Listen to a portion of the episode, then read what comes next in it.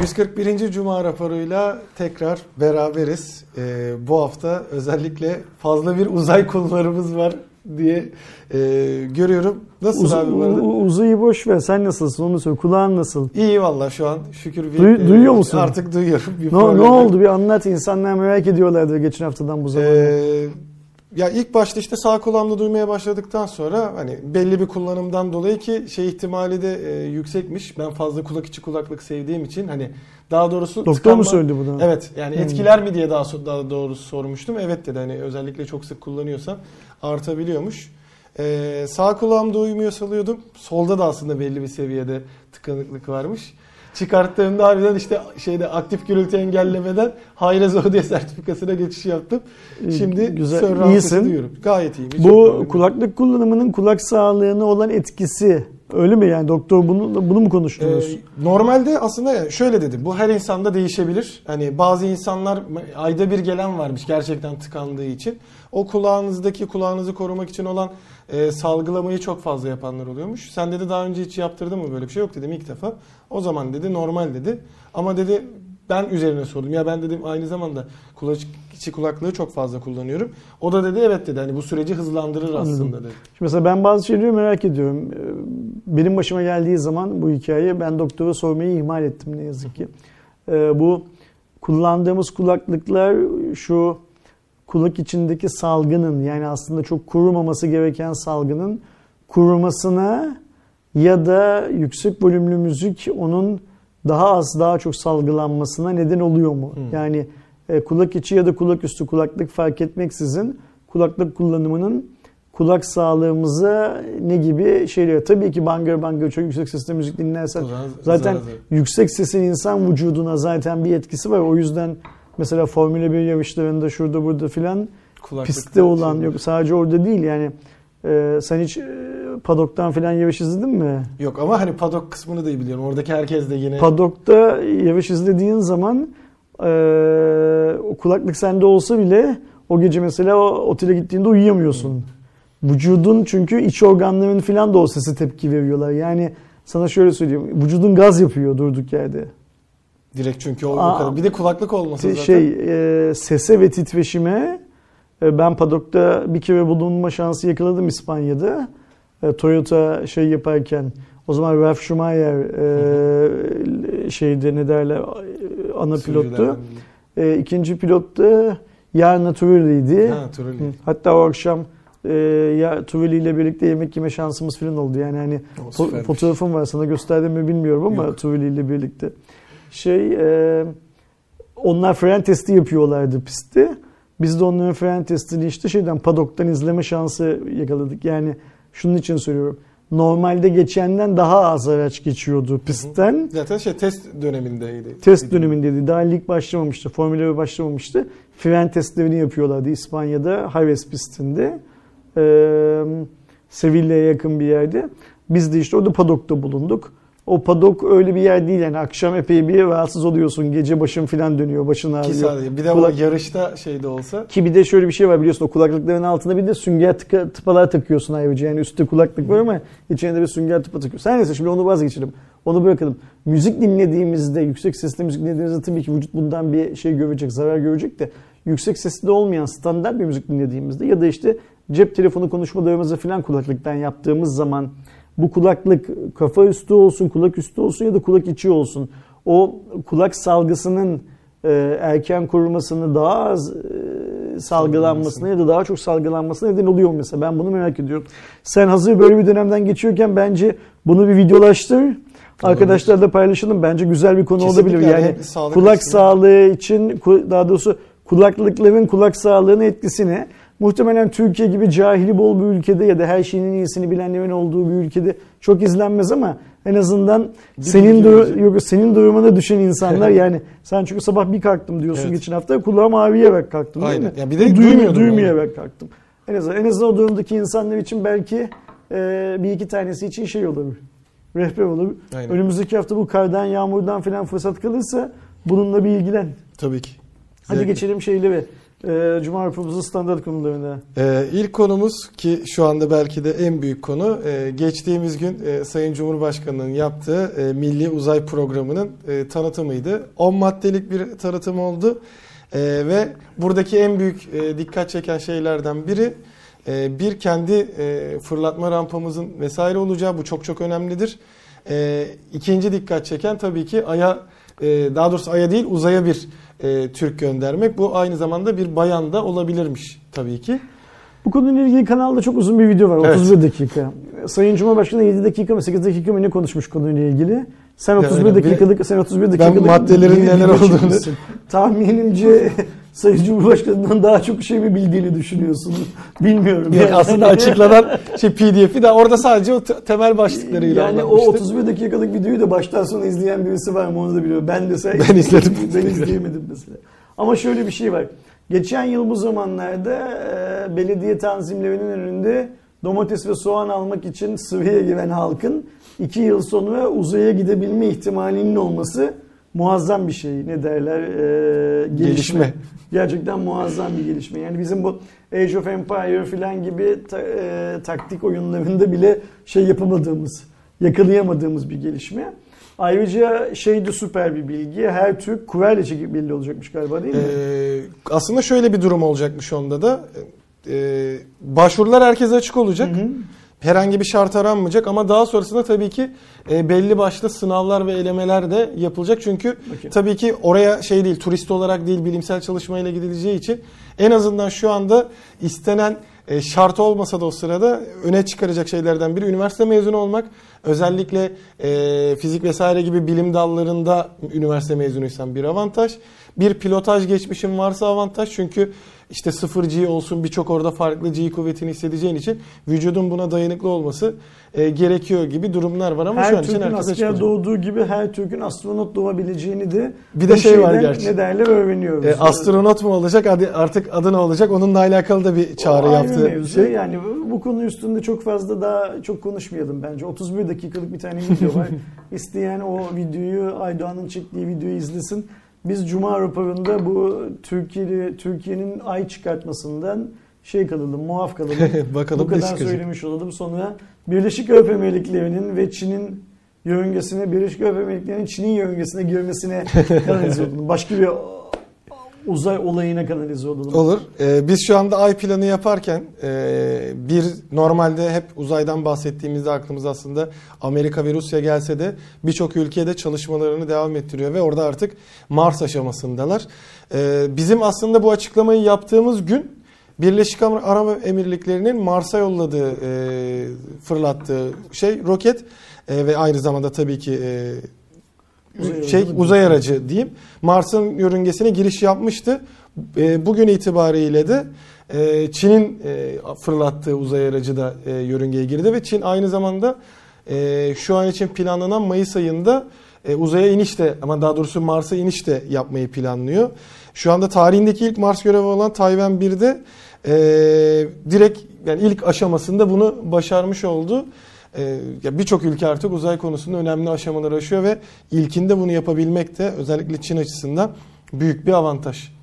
Biz Ay'a Birleşik Arap Emirlikleri ile Çin Mars'a gidiyor öyle mi? Evet yani zaten şey Amerika orada çalışmalarını yaparken, ESA çalışmalarını yaparken bizim de şu andaki ilk planımız e, ay konusunda. Üçüncü haberimiz Üçüncü haberimize geçtiğimizde artık biraz daha yerelleştirelim konuyu. Ee, Ticaret Bakanlığı şu anda aslında bildiğim kadarıyla resmi bir açıklama yok ama böyle bir düzenleme olacağı e, söyleniyor. Marketlerdeki yani market zincirlerindeki elektronik ürün satışı başta olmak üzere e, birçok tütün tütün ürünleri, mobilya, cep telefonu, e, elektronik eşya ve beyaz eşya e, satılmasını engelleyecek diye engelleyeceği konuşuluyor Evet. şu anda şeylerde, kulislerde. Ticaret Bakanlığı'nın bu tarzda bir hazırlık yaptığı söyleniyor. Bunun amacının da bu arada küçük işletmeler yani bakkaliyeleri e, diyebileceğimiz ya da e, elektronik ürün satan o işte telefoncular vesaire gibi yerlerin e, şeyini korumak yani olduğu Ticaret söylendi. Bakanlığı diyor ki A101'ler, BİM'ler, Migros'lar bilmem ne filan filan işte teknoloji ürünleri, a- alkollü ürünler, alkol var mı bunun içinde? Tütün. Yok galiba tütün pardon. Tütün mamullerini filan filan satmasınlar diyormuş diye duyuyoruz. Bunun altında da e, küçük esnaf iş yapsın. Evet. Yani insanlar gitsinler elektrik e, laptopu mesela A101'den değil neredeyse de satıyorlar ya kampanyalı. Köşedeki bakkal amcadan alsınlar. Yani ya da o telefoncu man- küçük mantık var. şeyler. Alıyorlar mı bilmiyorum yani hani ya da E, köşedeki çünkü- bakkal amca laptop satabilir mi yani eğer şey satamıyorsa e, zincir market satamıyorsa bilmiyorum. E, bu tarzda bir çalışma hükümet tarafında çok uzun zamandan beri özellikle e, teknoloji ürünleri satan esnafın e, dahil olduğu STK'lar tarafından önevi olarak sunuluyor zaten. Bu süpermarket zincirlerinin uygun fiyatla, düşük fiyatla çok fazla montanda teknolojik ürün satmasının pazarın geri kalanına, diğer satıcılara çok büyük gelir kaybına neden olduğundan filan bahsediliyor. Ben bu konuda şeyim, çok netim yani halk kazanıyor daha ucuza alarak. Evet diyorlar ki işte A101'de BİM'de çalışan adam teknolojiden anlamıyor, nasıl teknoloji ürünü satsın. Orada teknoloji markette çalışan çocuklar daha iyi bu konuda filan filan da e orada da işte 50 tane prim olayı dönüyor bilmem ne oluyor filan yani bu işin hani ak kaşığı kara kaşığı. Ya zaten e, o zaman şeyi de bölmek lazım. Millet ona da tepki göstermiş. O zaman bizim kasaplarımız daha çok kazansın diye e, et ve et ürünleri reyonları kapansın o zaman gibi. gitmeyelim Yani, süpermarkete. hani Yani süpermarketler şey kapansın o zaman. Aynen öyle. O department store dediğimiz hikaye var ya hani her şeyin tek bir binada olduğu Hı hı. falan. Onları da kapatsa. Gerçi Türkiye'de artık onlardan doğru düzgün Yani. kalmadı çok fazla onları da kapatsa. Şimdi eee, ben bakanlık böyle bir karar alır mı konusunda çok fikir sahibi değilim ama bu çok uzun zamandan beri konuşulan bir şey. Mesela teknoloji sektöründe bu işin yasaklanması için çok ciddi mesai harcayan kurumlar ve kişiler var gerçekten. Eee, sonuç alırlarsa hmm, ben şey gözüyle bakarım buna. Rekabetin bir şekilde engellenmesi gözüyle bakarım. Yani A101 BİM ayda bir kere ucuza bir ürün satıyor ve gayet de ucuza satıyor. Hı hı. Yarı İnsanlar da buna şekilde. sebepleniyorlar. Ha bu demek değildir ki teknoloji marketler dışında işte bu market zincirlerinin sattığı tüm tek ben işin sadece teknoloji boyutunu konuşuyorum bu arada. Tüm teknolojik ürünler çok iyi. Yo çerçöp de satıyorlar Evet. çok ucuz fiyata. Onlar da gidiyor arada. Ve ama şöyle bir şey var.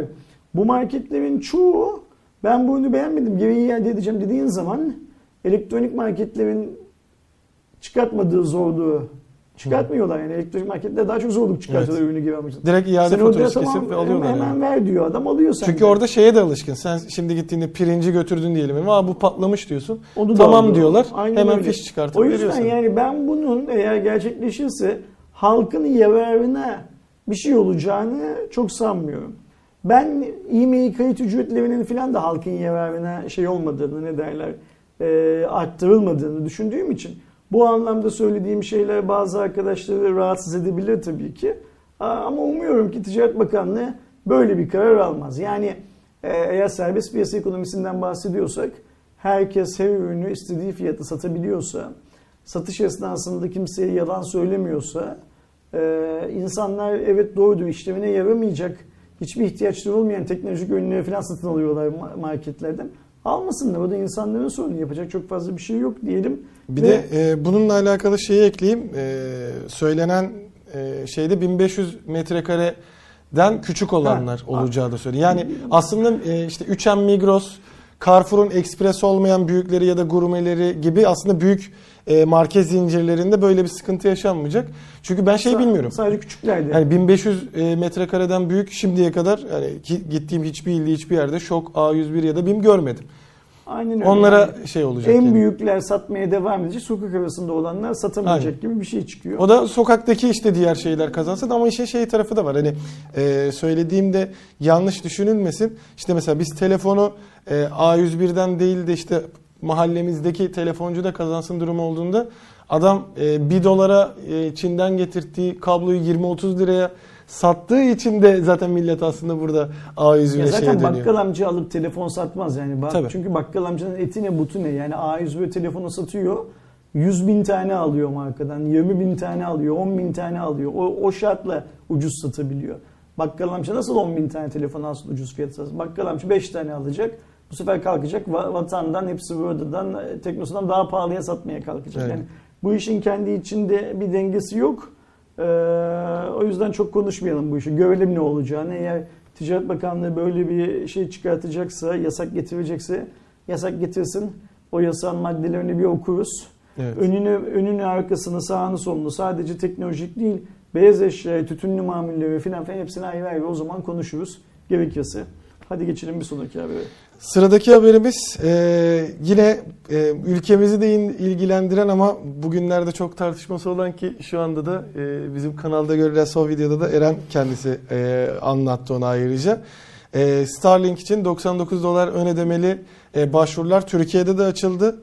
E, oradaki söylenene göre 2021 yılının sonlarına doğru yani bu yılın sonlarına doğru hizmetin açılması bekleniyor ama birçok şeyi var tabii ki. Şu tüm detaylar evinin çektiği videoda var ama böyle hızlıca bir üstünden geçmemiz gerekirse aylık ücret 99 dolar olacak gibi görünüyor.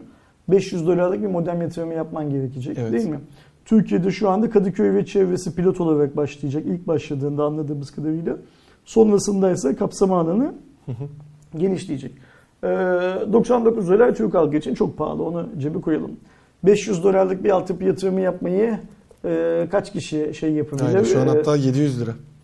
Şey Kaç kişi 6, altından, 99 dolar. altından kalkabilir 500 dolarlık altyapı çoğu insan kalkamaz. Hadi o tek seferlik belki Ayrıca insan göze 500 alır dersin de. modemler Türkiye'ye nasıl gelecek, nasıl dağıtılacak filan gibi 50 bin Vergilendirmesi var. tane, 50 bin tane lojistik soru var. Onların hepsini cepte tutalım. Daha onları sormak için erken. Yani sen Starlink'in web sitesinden hadi 99 dolar al- verdin, aylık hizmetini başlattın da o modem sana nasıl gelecek, kaça gelecek? Yani Amerikalı'nın 500 dolar aldığı şey Türkiye Türk insanına, Türk evladına kaça gelecek? Gümrükte ne kadar kitleyecekler onu? Türkiye'de bir distribütör mü olacak o modemlerin? Herkes münf- münferit olarak kendisi mi getirecek? Yani ben Starlink abonesi olmak için bir de gidip gümrük memuruyla onun şeyini mi yapacağım? Ee, sen bunu şöyle çekeceksin, şu şartla şu kadar vergiyle alacaksın, bilmem ne yapacaksın da falan mı uğraşacağız? Sonra benim bildiğim kadarıyla herhangi bir ürün Türkiye'ye belli bir periyotta bireysel kullanım için bile belli bir orandan daha fazla girerse gümrüklerin bu ürünü kapanma, e, kapatılması falan gibi bir şey var, opsiyon var. Bir anda bir Vergilendirilmesi için değil mi? şey yapılırsa ne olacak? Yani o ayrı mevzular onlar ama benim en son noktada düşündüğüm şey şu. Ee, Türk hükümeti Starlink'in Türkiye'de kullanılmasına bence izin vermeyecektir. Yani Starlink'e Verse bile tercih etme ihtimali çok ya şey. fiyat ayrı mevzu da şimdi şöyle bir şey var bak. Ee, Turkcell, Türk Telekom ve Vodafone muazzam bir vergi oluşturuyorlar. Yani baksana senin her ürünün faturanın altında bu fotoğrafın bilmem kaç lirası vergi olarak devlete ödenmektedir diyor. Neredeyse yarısı. Şimdi devlet otomobil üretimi ve otomobil üretiminin yan parametreleri, benzin satışı bilmem neyle filan birlikte, köprü geçişleri, ıvır zıvır her şeyle birlikte teknoloji cihaz satışından ve cep telefonu iletişim faturalarından muazzam bir vergi geliri elde ediyor. Şimdi bunu Starlink'in, Elon Musk'ın vergisiz mergisiz hiç e, 99 liraları toplasın yapsınına izin verirler mi? Sen, sen bunu şey yapıyor musun? E, Yani böyle bir şey yok. olabileceğini düşünüyor musun? Ha bu 99 dönemin üstüne e, Turkcell'in, Türk Telekom'un, Vodafone'un falan ödediği standart vergiler konulduğu zaman da kaba taslak bir hesap yaparsak bu 99 dolar 140 dolarları falan çıkıyor. Aynen. Şeyden bahsediyorum. Hani daha önce Adobe'ye işte bilmem neye filan bu aylık üyeliklere devlet e, siz bunlar satışını yapıyorsunuz Türkiye'de ama bana vergi ödemiyorsunuz diye vergi koydu ya Evet. o vergiden bahsediyorum. 140 dolar falan da çok büyük para zaten. Ben açıkça söylemek gerekirse havadan gelen böyle bir sinyali engelleyemeyeceğimizi tabii ki biliyorum ama ödeme sistemlerini durdurarak e, insanların buna abone olması e, engellenecektir gibime geliyor. E, Şimdiden. engellemeseler bile hani şu anda şey açısından baktığımızda bir vergilendirme yaptıracak illaki. 150 dolar olduğunda bir de işte dediğin gibi 142 e, dolar diyelim. Hani evet, 140, 140 o rakam bulunuyor. 142 dolar olduğunu düşünelim ki zaten kesinlikle üstüne çıkacaktır. Ee, onu aylık olarak ödemek ayrı bir dert zaten Türk insanı için. Onu ödeyebilecek insanlar da vardır. Evet ama zaten şöyle de bir durum var. Ee, bunun asıl amacı istediğin her yere şeyi götürebilmek. İnternete modemi götürebilmek. E biz de zaten işte apartmanlarda şey yapıyoruz hani 700 liralık hadi hatta 142 dolar olduğunu düşünürsek zaten e, 1500 liraya yakın Bin para lira. ediyor. E, 1000 liralık bir abonelik ücreti de zaten yanlış bilmiyorsam Süper Online'dan gigabit internet alabiliyorsun. Hani altyapını Alıyorsun, cep destekliyorsun. telefonuna da alıp istediğin gibi açarsın zaten. Aynen aynen hani zaten. öyle bir mantıksızlık ortaya çıkıyor. Bir de tabii şöyle bir şey var. Şimdi mesela Türk hükümeti işte kendi politikaları doğrultusunda bazı şeyleri yasaklamayı yasaklıyor. Yani mesela şu an internette yasaklanmış bir yığın web sitesi var. Bunların içinde pornografi var, terörizm var, uyuşturucu var, bilmem ne var filan filan. Wikipedia falan vardı Bunun, zamanında. aynı zamanında Wikipedia vardı. YouTube yasaklanmıştı bir dönem filan. Şimdi e, sen internete Starlink'ten alırsan bu yasakları bypass edersin. Öyle de bir, Bir de öyle durum, durum var. Aynen. İki gün sonra şimdi biliyorsun işte e, temsilci atamadığı için Twitter'ın durumu ne olacak filan. E o zaman Starlink alanlar Twitter'a sorunsuz bağlanacaklar.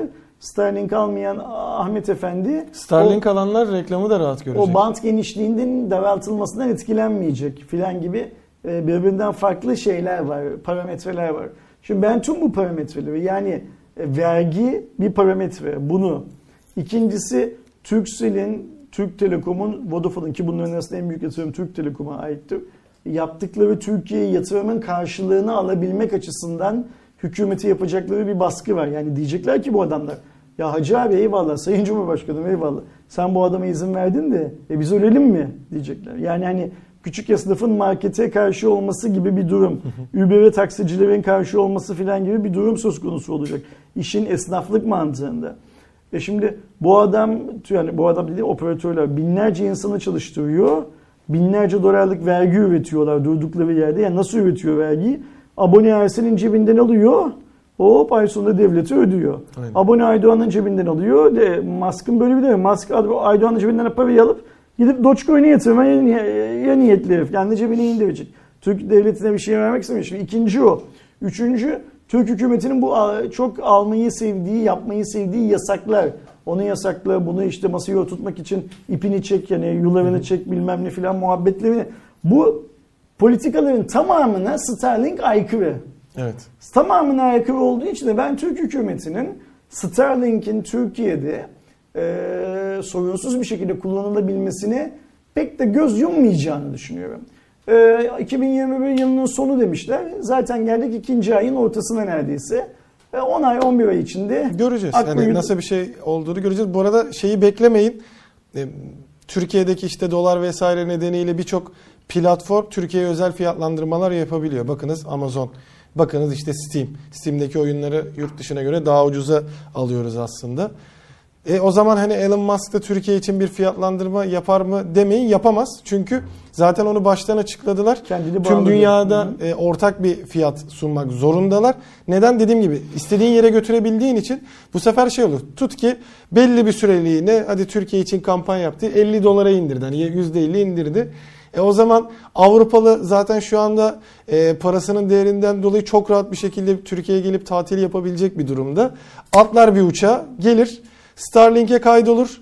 E, ürünlerini buradan alır %50 indirimli olarak tekrar ülkesine geri döner kullanmaya devam eder. Çünkü Ya sen alıp alıp alması bile biz bile Türkiye'de Netflix işte deneme süresini kaldırdığı zaman kazan kaldırmıyor muyuz? Çıngır çıkarmıyor muyuz? Alman da oturduğu yerden diyecek ki lan ben 99 dolar veriyorum. Türkiye 50 dolar veriyor. Ne iş diye soracak. Yani hani şimdi bir de Şey çünkü bir bölge kilidi de sabit bir şey olmadığı için de harbiden gelir alır yani. Ben Böyle- olsam böyle, öyle yaparım. Böyle bir şeyi var. Politikası da var. O yüzden bunları engellemek için zaten daha projenin başında tek fiyat, tek paket olacak açıklamasını yapmışlardı. Ben Türkiye için zor görüyorum. Evet işte anten Ee, muhabbetleri falan da var. Anteni nereye O, koyacağız? o bu da ayrı bir sorun yani. Bir Çünkü onun bir şeyi var. kişi aldığı zaman nasıl 40 tane anten koyacaksın tepeye falan gibi hikayeler var. Bakalım göreceğiz. Ee, bu Bayağı biraz şey. şey. olacak. Ee, benim bu e, evinin videosunu attığım başlık gibi şey hayaller Starlink, gerçekler ADSL ADSL, olacak. muhabbeti olacak. Yapacak başka bir şey yok burada. İkinci doz aşılama başladı. Hadi o haberimize geçelim. Böyle hızlı hızlı gidelim istiyorum. Tamamdır. Ee, koronavirüs aşılaması zaten başlamıştı ve ilk başta sağlık çalışanları olmuştu. Ee, 11 Şubat itibarıyla da e, ikinci doz aşılama randevu alan e, sağlık çalışanlarına yapılmaya başlandı. Ee, şeydeki durumu tam e, olayını bilmiyorum bu arada. 13 Ocak'ta başlamıştı tam bir ay sonrasında e, şey başladı. Yani 28 gündü zaten şeyi ikinci doz aşılaması. İkinci Bu doz aşılama süreci başlamıştı. Arkadaşlarımız bu videoyu Cuma akşamı izliyorlar ya. Bir önceki gün Perşembe, Perşembe günü, e, Sayın Recep Tayyip Erdoğan da ikinci doz aşısını oldu. Onu da şey yapalım hemen off the record olarak yani araya haberin arasına. Yine hani şey tanıtımı ve e, öncülüğü açısından. Büyük ihtimalle o zaman şeydi e, galiba zaten Fahrettin Koca da olmuştu.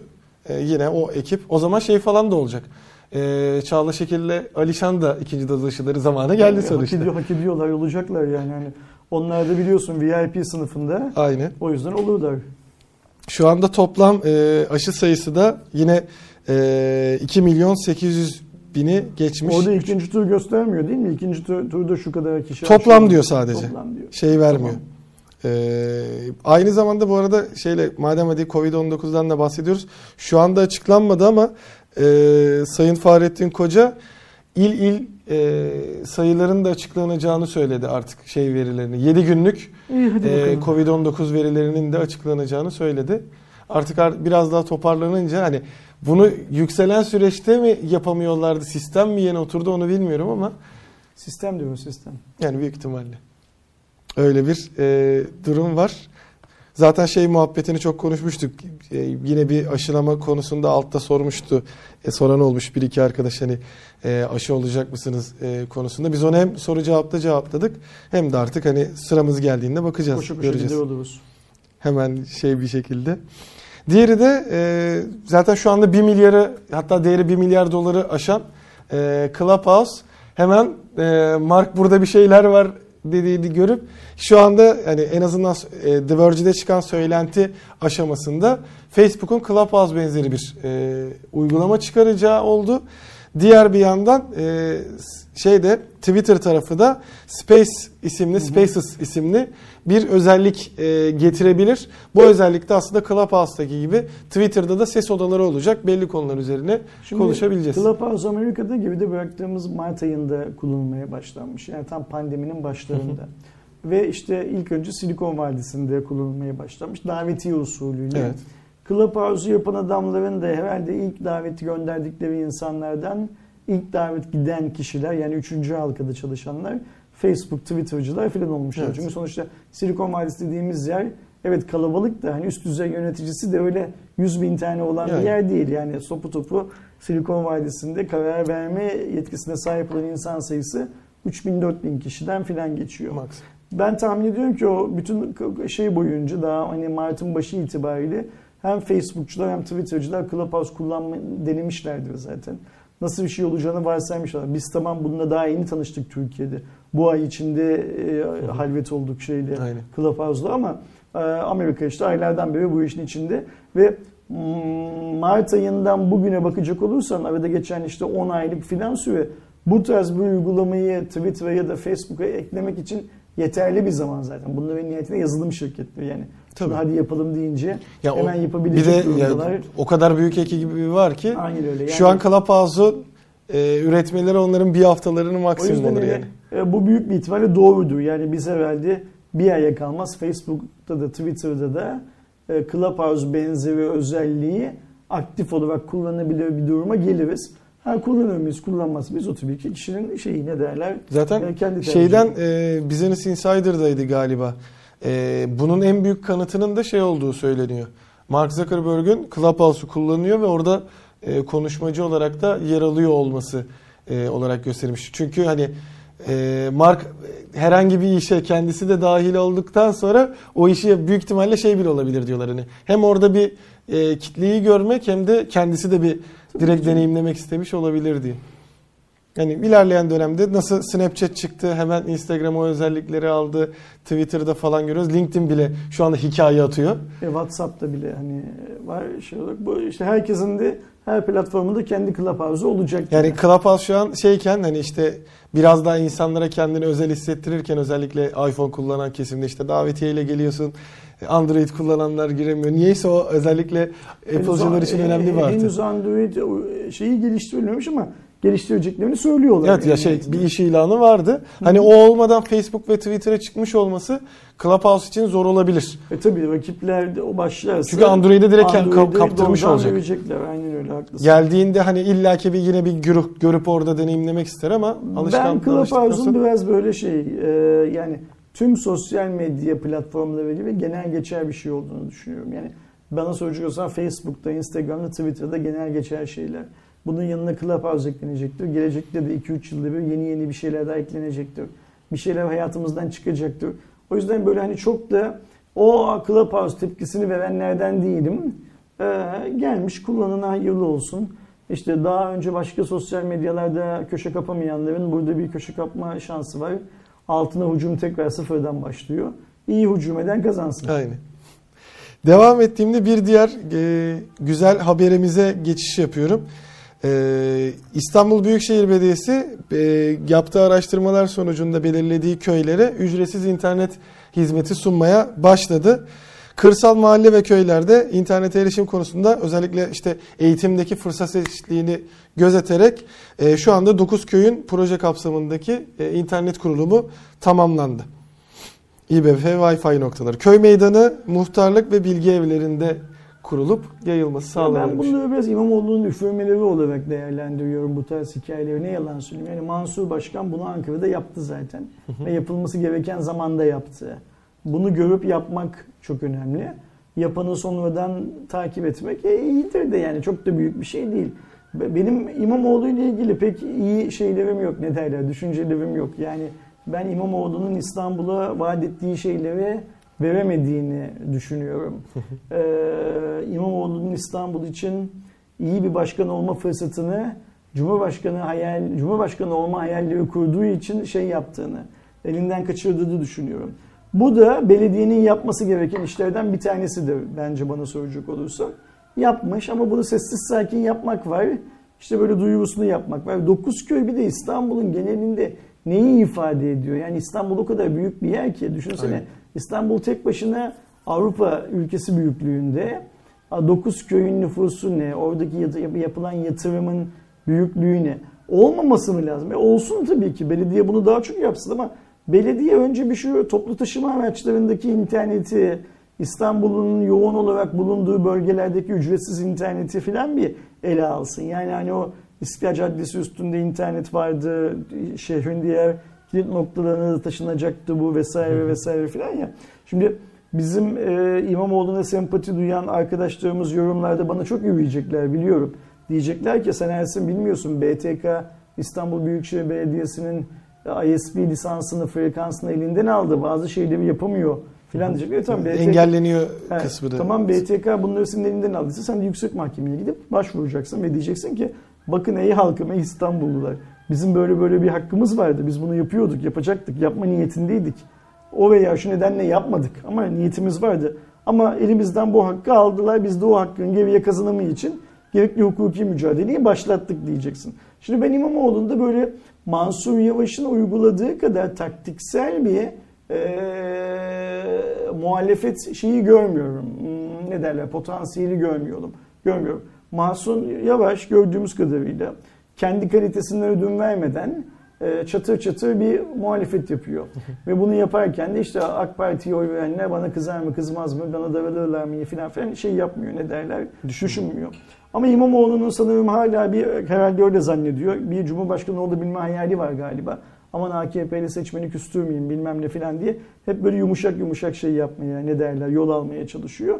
Ben ortalıkta seçildiği günden bugüne e, İmamoğlu'nun zaten seçim aşamasında ne İmamoğlu'nun ne rakiplerinin verdiği sözlerin herhangi bir tanesinin tutulmayacağını çok iyi biliyoruz. Yani onu zaten Maalesef. İmamoğlu'nun rakibi olan e, şey hmm, nasıl unuttum adamın adını AK Parti adayı eski Ulaştırma Bakanımız Binali Yıldırım. Binali Bey zaten açık açık ya bunlar seçim döneminde söylenirler. Kazanıldık nasıl unuturlar diyerek hayatımıza birçok şeyi soktuğu gibi öyle hani Evet. bulut bulut boş verin onları filan da zamanında sokmuştu. Bunu da soktu zaten. Tabii ki yapmasını hepsini beklemiyoruz. Beklemiyordum ben de beklemiyordum ama yine de böyle e, seçim vaadi olarak söylediği şeylerden bazılarını hayata geçirmek için çabalayacağını varsayıyordum en azından. Neydi onlar? Mesela İstanbul'un trafiğini çözeceğini söylemişti. Değil mi İmamoğlu? İstanbul'un trafiği çözülmedi. İstanbul'daki işsizliğe proaktif katı şeylerde ne derler işsizliği önlemek için proaktif atılımlarda bulunacaklarını söylemişti. Ne olduğunu bir anlamamıştık. Bulundu mu bulunmadı mı bilmiyorum. Şu an Bulunduysa şey- da- sadece şeyleri biliyorum. Ee, İSMEK'lerden böyle belli başlı başvuru yerleri açıldı. Oradan şey alımlar yaptılar. Ee, belli başlı işte yani iş işverenle şeyi bir e, iş arayanları denk getirip bir iki şey durumu olduğunu biliyorum. Koca sadece. salgın dönemi geçti gi- gidiyor bitti bitiyor. İBB İSKİ'deki fiyatlarla bile halkın yüzünü şey yapmadı ne derler güldürmedi bana soracak olursan yeterince. O yüzden ben e, bugüne kadar gelen İmamoğlu şeyine bakarsam yönetimine bakarsam aynı güzel Dokuzköy'ü internette kavuşturmuş Sayın Ekrem İmamoğlu önderliğindeki İstanbul Büyükşehir Belediyesi ne güzel diyebilecek tarafta değilim. E, beklentiyi ben büyütmedim. Beklentiyi Sayın İmamoğlu kendisi büyüttü. O beklenti büyüdüğü zaman realite yüzde biri bile olsa insanlar o yüzde birini görmek istiyorlar. Ben şahsen göremiyorum. Yaptığı doğru düzgün şeyler yok mu İmamoğlu'nun? Var tabii ki. Yani ara belediye başkanı dönemi olan Mevlüt Uysal döneminde ki hep söylüyorum Mevlüt Bey benim ortaokuldan din hocamdır. din hocamdı benim. E, kapatılan, durdurulan metro inşaatlarının büyük bir kısmının tekrar başlatılmasını şey yaptı, ne derler sağladı. İşte niye kapatılmıştı? Belediyenin bu işi sürdürebilecek parası olmadığı için kapatılmıştı. İmamoğlu nasıl başlatıyor? Gidiyor ucuz faizli krediler buluyor sağdan soldan yani dünyanın farklı yerlerinden ya da Türkiye'den. O projelerin yürümesi neden oluyor ama o projeler şeye açıldığı zaman bile, kullanıma açıldığı zaman bile unutulmaması gereken şöyle bir şey var. O projeleri AK Partili İstanbul Büyükşehir Belediyesi planladı. Kazmayı onlar vurdu. Hiç kimse şeyi hatırlamayacak bak ama onlar durdurmuştu bunu. Evet. Ya hatırlamayacak. İmamoğlu açlıya dönecek. İmamoğlu'nun sıfırdan İstanbul'un İstanbul'un yani mesela ben kendimi bir İstanbullu olarak görüyorum. Bu şehirde doğup büyümek olmakla alakalı değil. Yani bu şehirde yaşadığım için kendimi öyle görüyorum. Ee, İstanbul'un hayatını kolaylaştıracağını, İstanbulluyu ikna edeceği 9 köye internet vermekten daha ciddi işlerinin olması lazım. Mesela mavi otobüslerin İBB bünyesine alınması muazzam bir hareket. Büyükada'daki bu fayton sorununun çözülmesi muazzam bir hareket. Yine adalardaki o elektrikli e, ulaşım imkanı muazzam hareketler. Bunlar çok güzel ama mesela biz hala belediye otobüslerinin emniyet şeridini kullandığını hatta belediye diğer otomobillerin de trafikte seyrederken sağa sol sinyal vermeden şey yaptıklarını trafiğin sıkıştığı noktada emniyet şeridine gerek 3 tane arabayı geçmenin kar saydıklarını yani evet. İSKİ, İBB ve bunlara bağlı olan şirketlerin. Ayrıca e, işte bu İstanbul kartları e, vatandaşlık numarası tanımlanması prosedüründe Belbim'in sınıfta kaldığını görüyoruz. Yani birçok insan vatandaşlık numarasını tanımlayamıyor. Adam diyor ki 10 yıldır ben bu kartı kullanıyorum. Hayır diyorlar o kart senin değil o kart başkasının. Benim kartım ben kullandım ben satın aldım. Hayır bizdeki kayıt öyle değil. Yani e, vatandaşa çözüm sunan bir belediyecilik anlayışı görmüyorum ben şu anda zaten İmamoğlu'nda. Ve o yüzden de bu e, 9 köye internet verdi. Hayırlı uğurlu olsun. Bugün bir tane kampanya yapsaydık o kampanya sonucunda da 9 köye e, Türknet'ten şuradan buradan Süper Online'dan falan birer tane internet e, bağlanırdı zaten. Biz İBB'den yani açıkçası ben diyor söyleyeyim. Ben İBB'den e, böyle üfürük haberler duymak istemiyorum. Ben İBB'den hani hep deniyor ya 10 milyon İstanbullunun e, hayatını kolaylaştıracak haberler duymak istiyorum. Sonra bak mesela İBB e, metrolardaki internet hikayesini internetçi abinin sırtına sırtladılar. Kendileri uzaktan izliyorlar. O olay olduğu zaman da büyük bir tane İmamoğlu işte biz destek verdik şöyle yaptık falan diye topa girecek. Yok abi öyle top kalenin önüne geldiği gelinceye kadar şeyde e, taç çizgisinin kenarında bekleyip tam gol olacağı zaman da kaleye doğru koşup golde benim de emeğim var diye şey yapamazsın. Ee, ne derler? Ee, sevinemezsin. Tribünler yutmaz onu yani. yani. Radyodan dinleyenler sen sonra anlatırsan yani sana göbekten oy verenler sen sonunu anlatırsın o helal başkan bilmem ne filan yaparlar da internetçi abinin o golü atacağını hepimiz şimdiden e, olursa internetçi abinin o golü atacağını hepimiz şimdiden biliyoruz zaten. E, bu Dokuzköy, Mokuzköy filan bence koca İstanbul Belediyesi gibi belediyelerin ağzına almamaları gereken biz yaptık diye söylemekten utanmaları gereken küçücük işler. Yapılmalı mı? Tabii ki yapılmalı. Bugüne kadar yapmamak İBB'nin ayıbıdır. Pandeminin başladığı zaman da yapması lazımdı. Mansur Başkan'ın yaptığı gibi yapması lazımdı. Yapamadı. Pandemi bitmiş bilmem ne olmuş filan. Bir de işte basına bunu duyuruyor. Gitmiş çocuklarla filan fotoğraf çektirmiş değil mi? Bu şov bunlar. Ee, bu şovları Türk halkı çok sever. Evet. Ee, şeye de devam ederler. Bu şovu yapanlara da oy vermeye devam ederler. Başka insanlar da mecburiyetten oy verirler işte ama 9 e, tane köye internet bağladığın için oyu aldığını sanma. O zaman büyük şehirlere düşersin. Ne derler? Yanılgılara düşersin diyelim. Sayın İmamoğlu'na da. Eğer duyarsa mesela bir de şey çirkinliği var. Bu adam belediye başkanı adayıyken kendisiyle ilgili Twitter'da yapılan mentionların tamamına yakınına cevap vermesi veya like eden ve tweet eden filan bir adamdı. Mesela şimdi insanlar dertlerini anlatmak için İmamoğlu'na ulaşamıyorlar Twitter'dan. Ama iyi bir şey yazarsan İmamoğlu hemen geliyor ya da İmamoğlu'nun ekibi hemen geliyor like ediyor senin yazdığın şeyi. Bunların hepsi tarihe yazılıyor. Evet. Hepsi yazılıyor tarihe.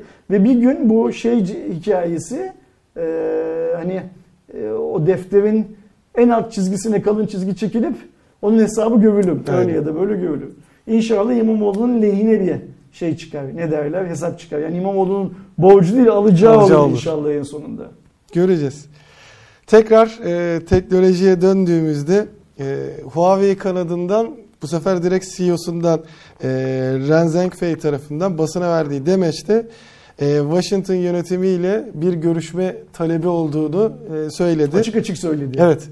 Yani ilk defa bir şeyden bir, sonra bir elektrikle elektrik alırız belki birbirimizden dedi. yani özellikle Biden'ın e, geçmesinden sonra e, Biden yönetiminden teleko- telekomünikasyon devi Huawei'ye karşı e, daha yumuşak bir e, yaklaşım e, umduklarını söylemişler.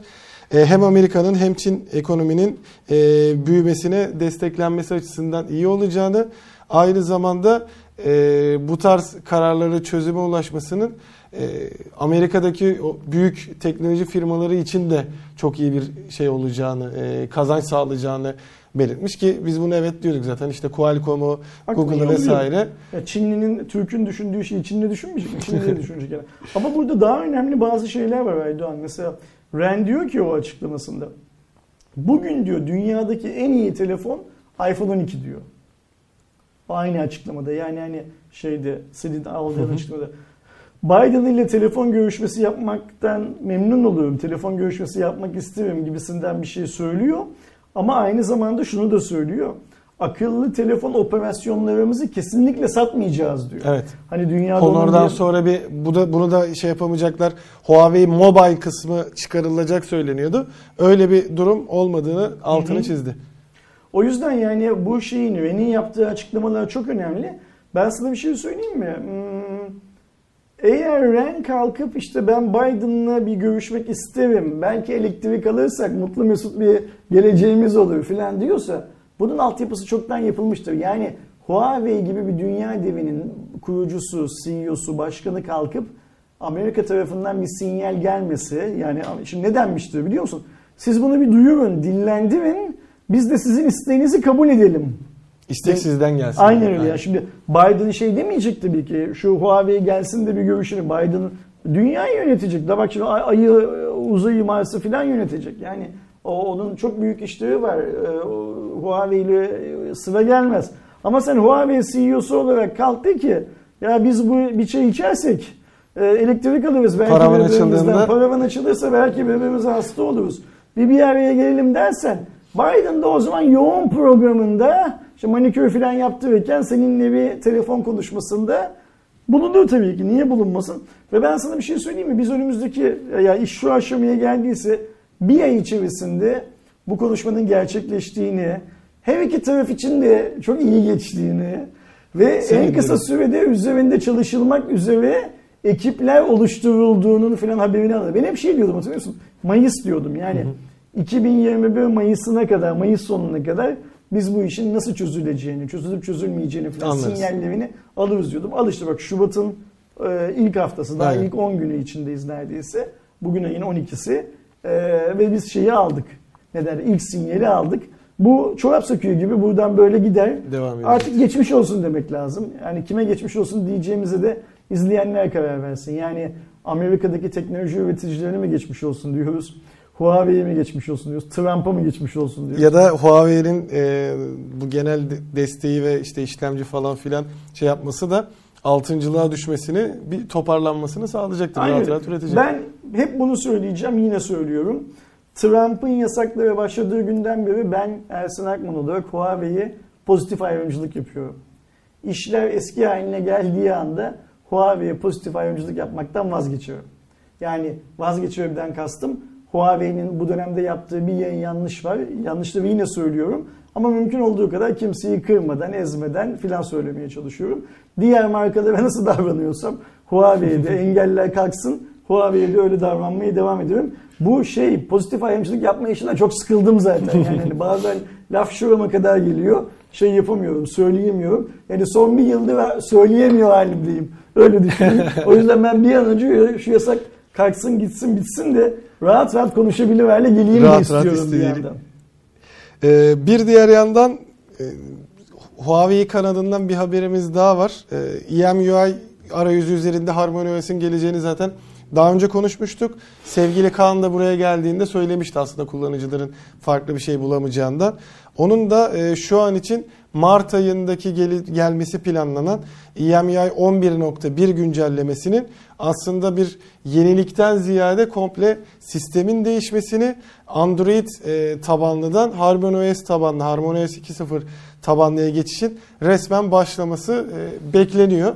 Ve bunu gerçekten kolayca bir güncellemeyle de e, yapılıyor. Tabii ki güncelleme boyutu çok büyük olacaktır. Bütün e, cihazdaki sistem değişiyor. Belki sadece e, over the air dediğimiz OTA güncellemesi değil de e, bilgisayara bağlayıp yapman gerekebilir oradaki bütün sistem değişeceğinden ama e, HarmonyOS'i de büyük ihtimalle artık önümüzdeki aydan itibaren ciddi ciddi, ciddi kullanıyor, deneyimliyor.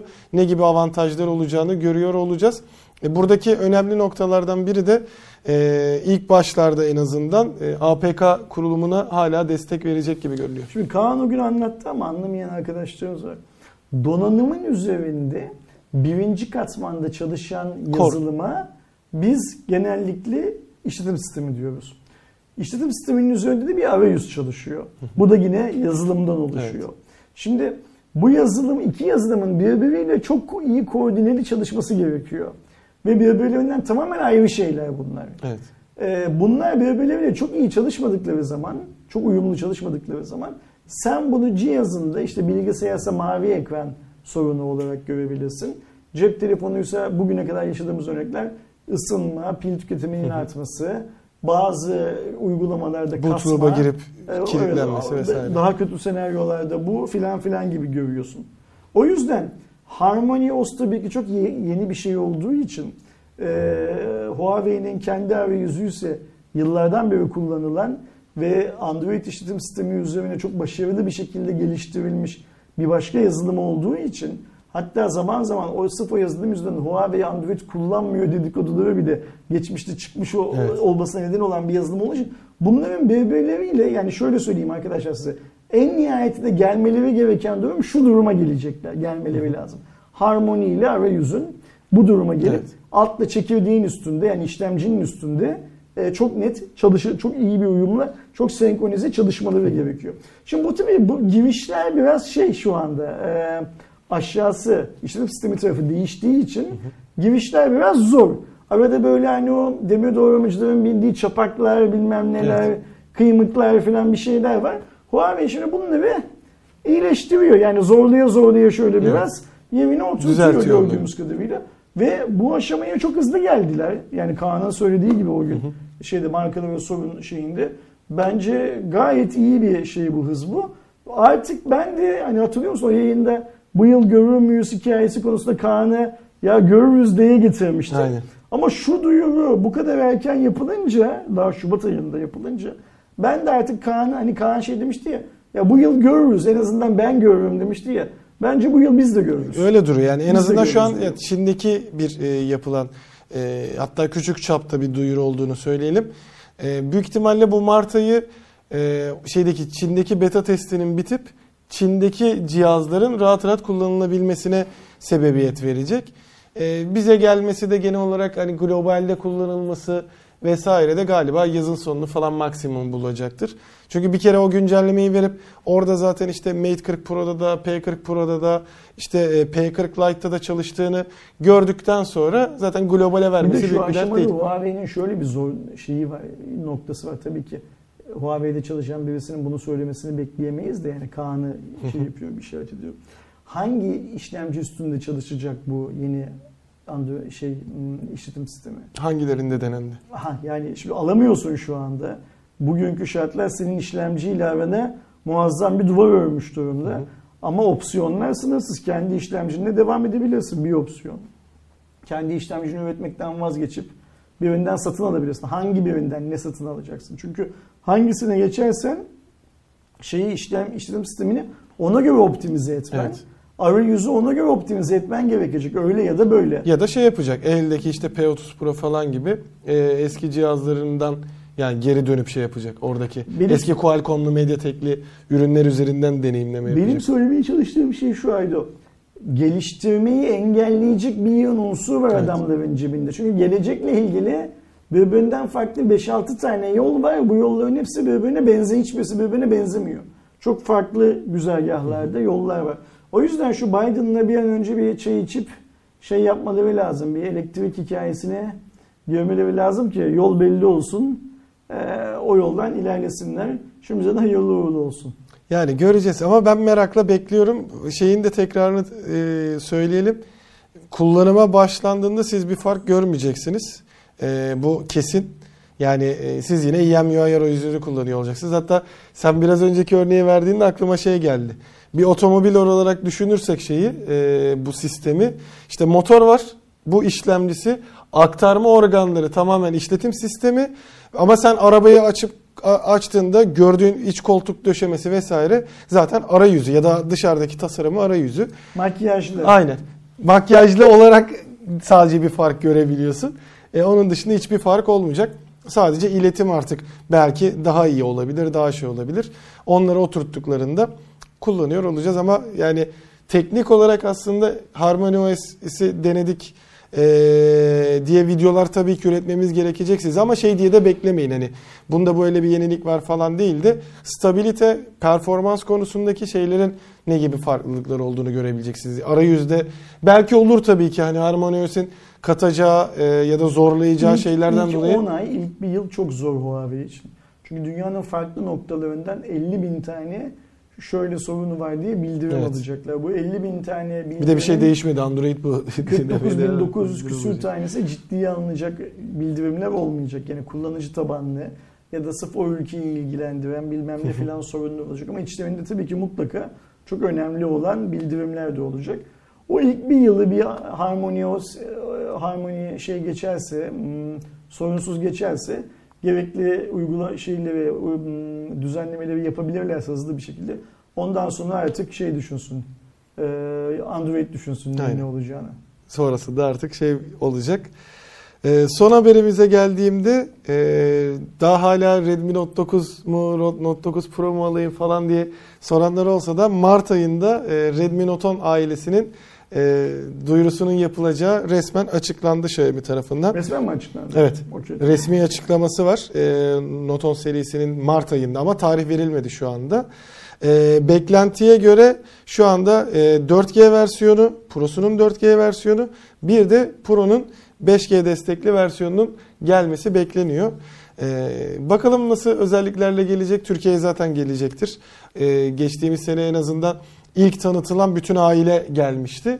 E, burada da e, Note 9, a- Note 10 ailesi olacak. Hatta e, şey olur mu diye de merak etmiyor değilim. Note 10 ailesinde e, Made in Türkiye'ye yazan ürünlerde olabilir. Teknik olarak giriyor çünkü. Haklısın. Xiaomi'nin e, hedefinde olan model. Mart'ta tanıtılsa e, globaldeki e, satışa başlaması Nisan'da falan olur tahminimce. E, Nisan'a kadar da bence Bence üretim bancı çalışmaya başlar. Bence de bu çok doğru bir tespitte bulunuyorsun. Bakalım belki bize test örneği olarak gelenler... Ben kutuları çok ilk kutu kimden gelecek? Vivo'dan mı, Oppo'dan mı, Xiaomi'den mi? Benim bu konuyla ilgili beklediğim bir iki beklenti var. Mesela ilk üretime kim geçtik diyecek. Ve ilk ürünü pazara kim sunacak? Mesela bunlar benim için çok önemli. Çünkü üretime geçtik diyenle pazara geçme süresinin arasındaki süre bizi Türkiye'de ilk kez şeyi gösterecek. Bir cep telefonu kaç Üretim. günde üretiliyor? Bunu göreceğiz. Kim daha hızlı? Onu göreceğiz. Yani belki mesela atıyorum A markası bugün geçecek üretime, B markası yarın geçecek. Ama biz B markasının ürününü belki daha hızlı, daha önce göreceğiz raflarda falan gibi. O yüzden bu ilk hikayesi konusunda ben de çok şeyim. Ne derler meraklıyım. Ee, gönlümden geçen de ilk üretime geçen Oppo olması onu da söyleyeyim. Niye Oppo? İlk Türkiye'de fabrika açacağını ve duyuran resmi olarak e, en azından açmayacağını yalanlayan hani tamam açıyoruz da demese bile açmayacağını yalanlayan filan marka Oppo olduğu için ben ilk e, şeyi e, düğmeye En azından- basmasını arz Yani o süreci en az duyurabildiğine göre o süreci tamamlamış olması lazım. Süreci tamamladıysa belli başlı hazırlıkları da tamamdır gibi baktığımızda ilk Oppo'dan gelmesi lazım. Benim için hani e, dediğim gibi fark etmez ama kutu içeriklerine bakarken işte e, özellikle o arka tarafta e-mail'sini işte kapatıp baktığımız şeyde e, model, e, depolama ve RAM dışında sürekli gözümü kayacağı o alttaki küçük yazılar olacak artık. Yani nerede üretildiğine dair. E, orada artık Çin vesaire yazmak yerine Türkiye yazan modelleri e, bekliyoruz ve göreceğiz de nasıl Sen olacak. şimdi bu videoyu İzmir'den yayın alacaksın değil mi? Yola çıkıyorsun. Evet. İzmir'e gidiyorsun. Şeye varmış Akşama. olacağım. Doğru. Okey. Pazartesi akşamı dönüyorsun. Evet. İstanbul'un pazartesi günü muazzam bir kar yağışı altında olacağı varsayılıyor. Evet o o yüzden var. İstanbul'daki arkadaşlarımıza Pazartesi salı e, şey, yapın. e, dikkatli olun. dikkatli olmalarını önerelim. Veya söylenen gibi, iddia edilen gibi son 20 yılın en büyük karı falan yağacaksa şehirde belediyeden kaynaklanmayan birçok sorun olacaktır. Bunu hani şey yapalım, e, ne derler, bilelim her şeyden önce. Ve deniyor ki pazar akşamı kar yağışı başlayacak. Pazartesi salı yağacak. Çarşamba günü de kar etkisini azalt, azaltacak ama hava soğuk devam edecek. İnşallah bu cuma raporunu izledikten sonra kar karşısında da gereken önlemleri alırsınız izleyenlerimize. Evet. Şey ben de ne güzel hani şey rahatlığı da vardı. Şimdi e, uçakta artık bu pandemi sürecinden süre vesaire azaldığı için daha doğrusu e, sefer sayısı azaldığı için e, arkadaşla da konuşurken e, sevgili İhsan gelip alacak İzmir'den beni. Ya dedi hani e, röter falan filan durum olursa ya dedim hani ihtimaller o kadar azaldı ki çünkü bir önceki uçuş zaten bir saat öncesinde artık e, pist tek olmasına rağmen rahat rahat gidiyor. Hani herhangi bir gecikme yaşamayız dedim. Bu sefer dönüşte bakalım bir Dönüşte- röter yiyeceğim mi onu göreceğiz. Dönüşte yaşayabilirsin. Eğer İstanbul'a o kadar kar yağmış olursa belki Sabiha'ya mı iniyorsun? Evet. İşte inmekte zorlanabilir ya da belki uçağı, uçağınız şey yapabilir ne derler. Tabii yiyebilir, göreceğiz. Dert değil yürüyerek gelirsin. Yani Ha, tabii. salı sabah iş başı Sıkıntı yaparsın artık ya da çarşamba sabahı falan gibi. belki gelemez o zaman önümüzdeki haftaki cuma ekipten başka birisiyle Yıldıray abi, Eren yapıyor falan bir şey olur. sunuyoruz. Kısmet demek lazım böyle şeyler için. Kaçıncı cuma raporunu bitirdik Aydoğan? Ee, 141. 141. Cuma raporunu bitirdik. 142. Cuma raporunda yine Aydoğan'la birlikte inşallah karşınızda oluncaya kadar kendinize iyi bakın arkadaşlar. Hoşçakalın. Hoşçakalın.